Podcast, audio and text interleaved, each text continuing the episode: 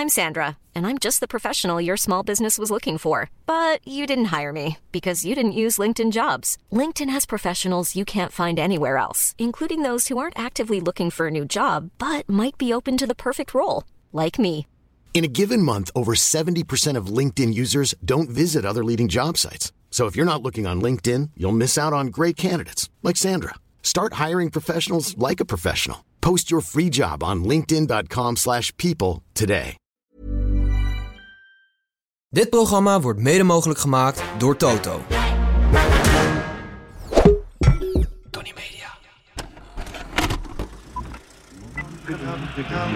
Johan Cruijff. En de goal van Van Hanegem. De vrije trap is voor Hansen. Ja! Hansen met de hak! Dames en heren, hij is sinds 1994 bij PSV. Ronald Koeman. Dat was even de misser. Ronald Waterer.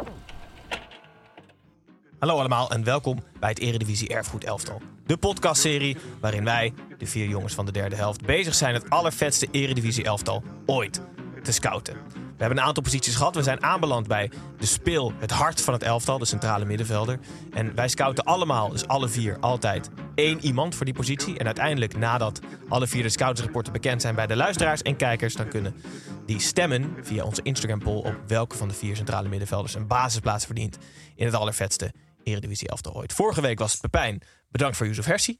Ehm, deze week is het mijn beurt om de centrale middenvelder te scouten. Die, ik heb Abu Bakari Yakubu als verdedigende middenvelder meegenomen. Ja, en vlak ja, daarvoor... Wat een verhaal. En vlak daarvoor... Treurig, hè? Treurig. Vlak daarvoor, ik heb een scouting, geld weggegeven. Ja, scoutingsrapport. 35 jaar mogen worden. Oh, dus, eh, oh, oh. Mijn scoutingsrapport ligt voor... hey, verdomme, mijn scoutingsrapport ligt voor mijn neus. Mijn scoutingsrapport leest... De titel is een eigenzinnige alleskunnert.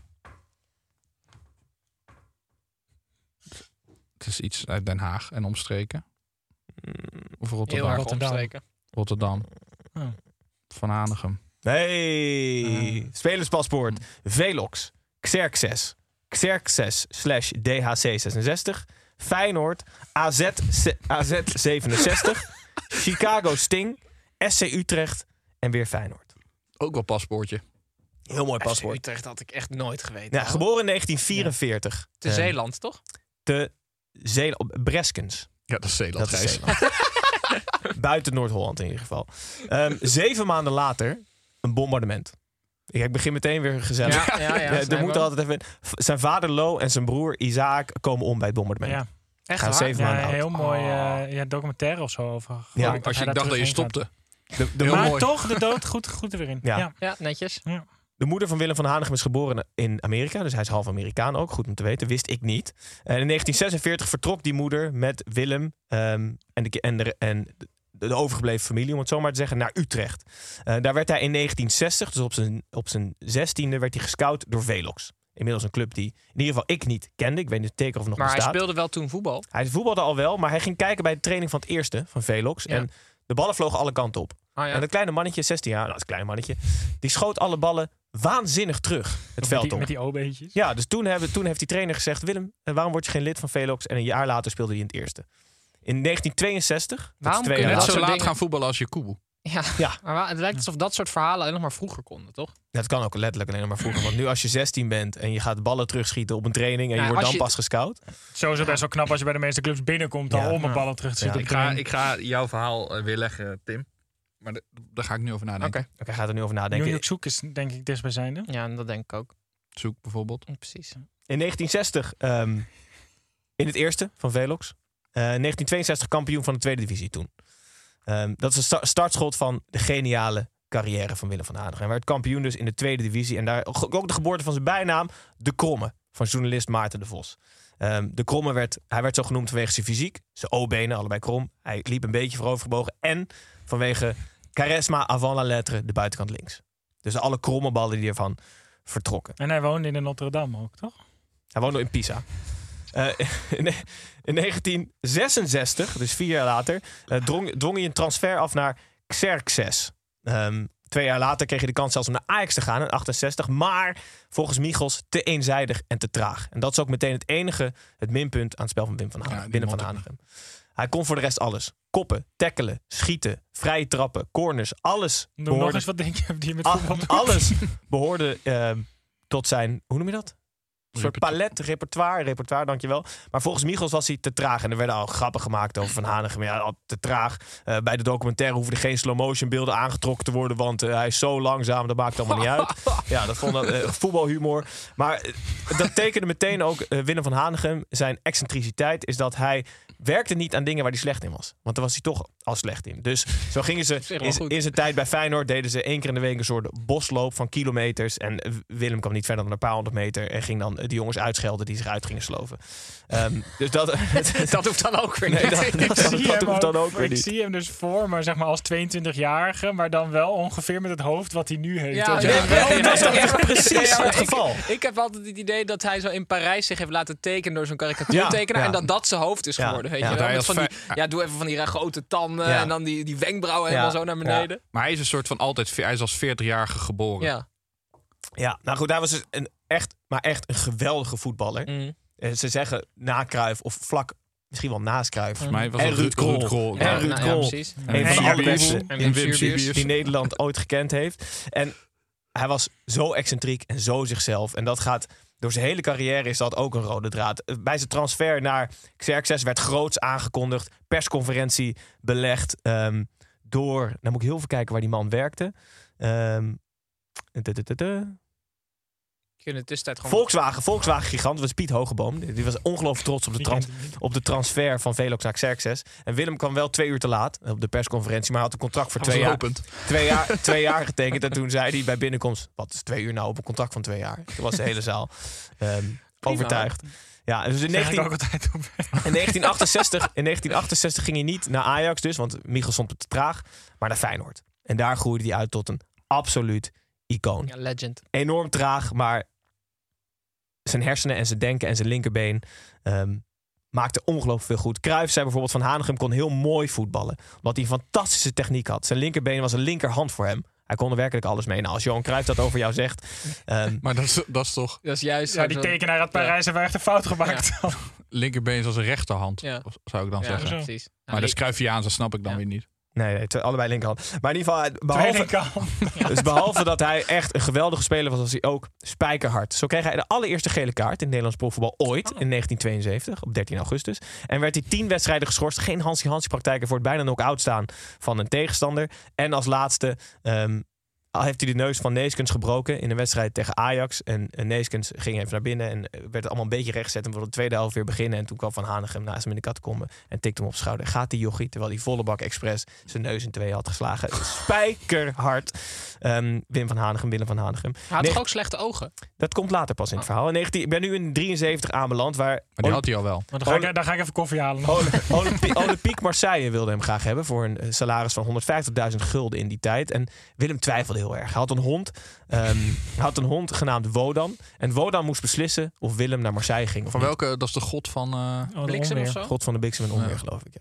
De bliksem en onweer. Dus hij vroeg aan, de, aan, de, aan zijn hond: ehm, Wat vind je van Marseille? En de hond bleef stil. En toen zei hij: Wat vind je van Feyenoord? En de hond ging als een wilde tekeer. En toen heeft hij besloten om bij Feyenoord te blijven. De excentriciteit maakt weer meester van Wim van Hanegem. En hij, hij Ik dacht dat hij heel nuchter zou zijn eigenlijk. Nee, nee, nee. Maar Tarotkaarten. Dit is een beetje waarom al- alle politici altijd zeggen dat ze voor Feyenoord zijn. Omdat dat zo zeg maar, gewaardeerd wordt. Dat vind ik bij Willem van Hagen ook een Ja. beetje. Ja, dus de excentriciteit trekt zich door. Eh, hij zei ook altijd op zaterdagavond ga ik nog wat later naar bed dan anders. Ze speelden op zondag. Een biertje of sigaret, maakt me niet uit. Eh, ik ga niet geforceerd veranderen om, om mensen vinden. Omdat andere mensen vinden dat ik me anders moet gedragen als profvoetballer. Ik doe waar ik zin in heb. En dat kwam ook in een conflict met Ernst Happel naar voren. Hij had een blessure en Ernst Happel wilde dat Wim van Hanegem een onderwatermassage nam. En Wim had geen zin in, zette zijn voet in een emmer. Ehm, en die zei: Hier, dit is goed genoeg voor mijn blessure. En toen de rest kwam op een boete te staan. 200 gulden in die tijd. En toen zei- gaf hij 300 gulden aan Happel. Zei: Hou de rest maar. Dat tekent hem ook. Hij deed helemaal niets voor het geld. Ehm, daarover later nog één, één anekdote. Nou goed, in 1967 kwam, ging hij naar AZ. AZ 76. En Willem bleef We Willem. zijn weer terug in de tijd. We zijn- 76. Nee, AZ 76, zo heette de club toen. Maar we zijn Voor nu AZ in 77, maar 19 we waren toch net in 73? Ja, we waren 73. Nu, nu 76, sorry. Oh, maar het is ja. AZ 67. Ja, ja, ja, dat is een beetje verwarrend. ja, ja. Ehm, AZ, Ik schrok al, ik dacht als ze hij teruggaat speelde, hij, speel- hij, speelde een aantal, hij speelde een aantal jaar voor AZ en won de beker. Bij AZ eh, 67. En 76. A- AZ Nee, 67. Bij AZ eh, hadden ze twee ehm, verstandelijk beperkte supporters, Louis en Piet. En Willem zou Willem niet zijn op excentrieke wijze de bekerwinst vieren door Louis en Piet mee te nemen in de spelersbus en pontificaal voorin te zetten. Eh, zwaaien, lachen, iedereen. En de trainer die pikt dat niet en zei: eh, Willem, die twee supporters Willem, moeten echt even de bus uit, want we gaan. En zei Willem, dan ga ik ook weg. dus uiteindelijk zei die trainer: Nou ja, laat die twee jongens maar zitten. Die Willem. En die twee jongens kwamen terug eh, later. Als Willem wordt trainer van AZ. Als Ook. Frank en Ronald de Boer. Nee, die- en hij liet die twee jongens ehm, heel veel bij het team betrokken als trainer. Dus hij liet ze meelunchen met de spelersgroep. Hij liet zich zelfs bij vergaderingen aanwezig zijn. Waarop een van de twee regelmatig de hamer pakte om dingen af te slaan. Zeker als het over salarissen ging van spelers, werd er eentje altijd woest. Die pakte de hamer, die tikte op tafel. Dat is veel te veel! En die legde toen weer de, de hamer terug. Dus Willem, excentriek, excentriek is altijd, had deze supporters ook dat is bij. dezelfde Louis die later bondscoach werd. Ja. Ja, dat is wel- ja, ja, ja, ja. Veel te veel. Klopt. Maar er is toch ook een filmpje van Van Gaal en Van Hanegem die eh, van die verstandelijk of kinderen coachen, verstandelijk beperkt, ik weet niet, maar maakt niet uit. Neem jouw het terug. altijd Hij- hetzelfde? Maar het, dat, dat, ik weet dat Van eh Hanegem daar heel goed mee, Ja. eh, heel goed mee Ja, is. de- en daar is ook Eh, ongelooflijk emotioneel van, wordt hij daar. ja. Er zijn veel interviews dat hij gewoon letterlijk geen woord kan uitbrengen. Omdat hij zo emotioneel is voor een blinde jongen. Of een jongen met een andere Of beperking. Jordi Klaasie. Heeft hij toch ook ooit gehad? Dat, weet ik niet precies. Nou goed, tussen AZ... Is die dan kind of verstandelijk? Nee, Dus- hij heeft, veel betekend voor hem. Maar daar komt misschien Gijs straks nog op. Nee, nee Oh ja, tussen AZ ehm, en zijn 67. terugkeer bij Feyenoord. Heeft nog heel veel bij Utrecht gespeeld. En bij Feyenoord gebe- gebeurde inderdaad in 1981 eh, de terugkeer van Willem van Hanegem. In naar Feyenoord. En toen was hij al half blind. Dus daar komt je oogprobleem, Tim. Hij kon, hij kon. Ja, Hij kon, hij kon letterlijk nauwelijks meer wat zien, maar was alsnog de allerbeste. En wat tekent Willem van Hanegem is in zijn afscheidwedstrijd, dus alles ging om Willem van Hanegem. Hij dacht alweer in het belang van Feyenoord. Cruijff speelde in zijn afscheidswedstrijd en hij heeft er alles aan gedaan om Cruijff zo goed mogelijk eruit te laten komen. Dat hij omarmd werd door de Feyenoord supporters. Dat hij daarom daarna naar Feyenoord zou kunnen komen en daar goed zou kunnen presteren. Nou goed, daarna werd hij trainer. Extra blijft daar. Hij zei: Ik ben geen trainer te worden om te winnen. Ik ben trainer te worden om iedereen het ongelijk te bewijzen. En ik kan het meest genieten van Ulrich van Gobbel in Oranje. Want het kwam onder zijn bewind. Ulrich, niemand zag iets in hem. Heeft een interland gespeeld in het Nederlands elftal. Nou, die twee de verstandelijk beperkte jongens die mee mochten vergaderen en de hamer mochten afslaan omdat ze vonden dat mensen te veel verdienen. Bij Al Hilal is hij trainer geweest eh, in Saoedi-Arabië. Daar werd hem verteld door Prins Nawaf eh, wat de opstelling zou moeten zijn. En, maar Prins Nawaf had maar negen mensen op papiertje opgeschreven. Is Van Hanegem meteen opgestapt. en in 2004, eh Snijboon, was hij assistenttrainer van Dick Advocaat. En toen werd hem nog achteraf gevraagd naar de wissel. eh eh Rolle Bosveld zei als, het nog, als hij het nog een keer doet, sla ik hem neer. Dat is, te- sindsdien is advocaat gebrouilleerd met Van Hanegem. Inmiddels is dat weer Wat raar, terwijl ze twee zulke meegaande mensen lijken. ja, ja. En geld kon hem dus geen reet schelen. Hè. Hij gaf extra boetes aan Happel, eh 200, 300 euro. Eh, hij heeft ooit een salaris van 250.000 gulden bij Excelsior laten schieten. Want hij was de afspraak vergeten. Dus hij is gewoon niet opgekomen daar. Ja, hij kon bij Excelsior 250.000 gulden per jaar verdienen. Ja. Hij gaf ooit per, per ongeluk de portier van de café 350 gulden fooi. Eh, heeft heel veel geld weggegeven aan eh, Stichting voor Doven en Blinden. Waarschijnlijk wat hij er zelf ook Ja, last dan van heeft hij had. er zelf nog uiteindelijk baat bij ook. Ja, zeker. En hij heeft ooit... eh, Belastingtechnisch dit was vond dit de beste manier om geld altijd te schikken. Gewoon wiswas. Dit vond ik altijd heel goed. Eh, hij moest een fancy fair openen in Deventer. Ooit. Wim van Hanegem. En niet voor het geld, hè? Maar het is een fancy fair ook alweer. ja, Is dat een soort... ik, ik, ik, zie, Miljonairsbeursachtige nee, ik zie een soort, eh, hoe heet het, winkels? Douglas-achtige winkel, Oh, denk ja? ik. Weet je dat, Snijman? Dat Snijboon niet weet wat de fancy fair is. Maar goed, hij kreeg er 500 gulden voor. En werd er eh, vlak na, daarna aangesproken door iemand die teruggekeerde uit Afrika. En zei, jongen, daar is zoveel honger. En die gaf meteen de 500 euro van Hanegem. Gaf meteen aan die man. Heel goed. Ehm, Het is het- gewoon een soort bazaar, een liefdadigheidsmarkt. Ah, oké, dat hij daar geld voor kreeg. Eh, goed dat hij het weggaf in ieder geval. In 2005 speelde hij een gastrol in Stoffel en Schildpad. eh, in toen was het nog heel gewoon. En hij speelde... ja, dat vond ik heel goed. En hij speelde zichzelf. Dat is ook heel goed. Dus hij Dat is wel altijd moeilijk. Ja. Vind ik hetzelfde als eh, acteurs die moeten acteren dat ze een acteur zijn die slecht kunnen acteren. Oh ja. Nou goed, in ieder geval in 2017... Goed. ehm, in 2017 werd de kanker geconstateerd bij Van, bij van Ja, Haan. kijk, kijk, Ja, we moeten weer terugbrengen. Ben je weer. Ja. Aanslag in het begin. ja. Familie overleden in 2017 Blind in de tussentijd. Ja. Hij wordt, Als het aan eh, jou ligt, is hij net overleven voordat deze aflevering Hij is genezen verklaard 2018. Ah, jammer.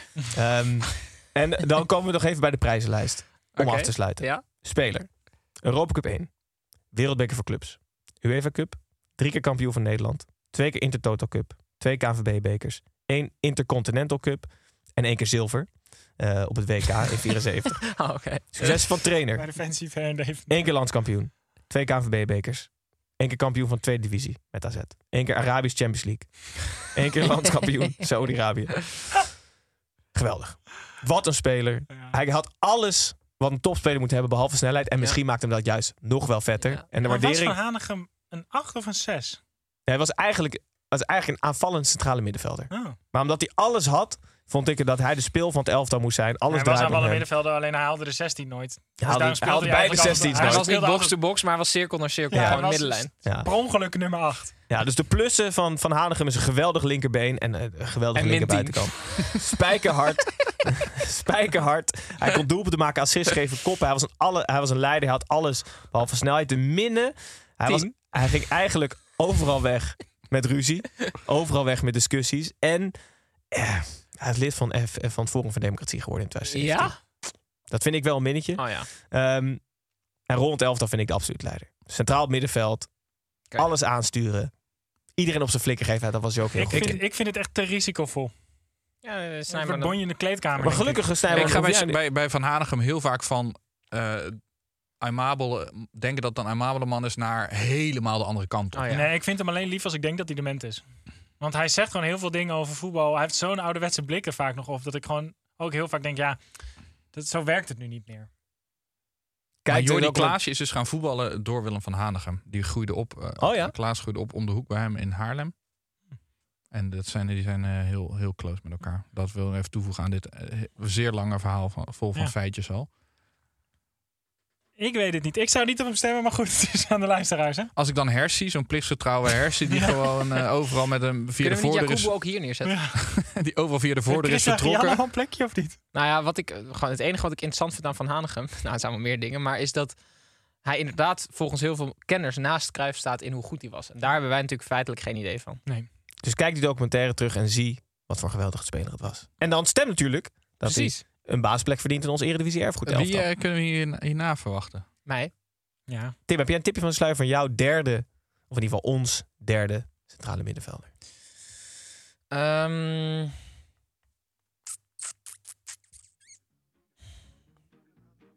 Nee, eigenlijk niet. ja, ik, ik- ja. eh, Doe maar Tito van Scousen. ja. Ja. Oké. Ehm, probleemwonderkind. Probleem dankjewel voor je aanwezigheid. Tim, volgende week jouw beurt. Kijkers, luisteraars, dank jullie wel voor het kijken of luisteren. Hopelijk tot volgende week als we onze derde centrale middenvelder aan jullie presenteren. Dag.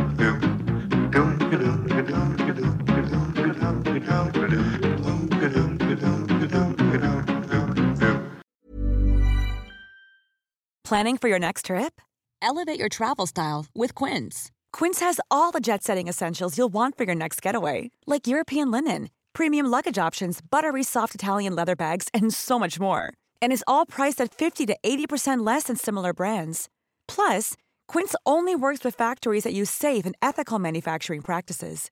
Pack your bags with high-quality essentials you'll be wearing for vacations to come with Quince. Go to quince.com slash pack for free shipping and 365-day returns.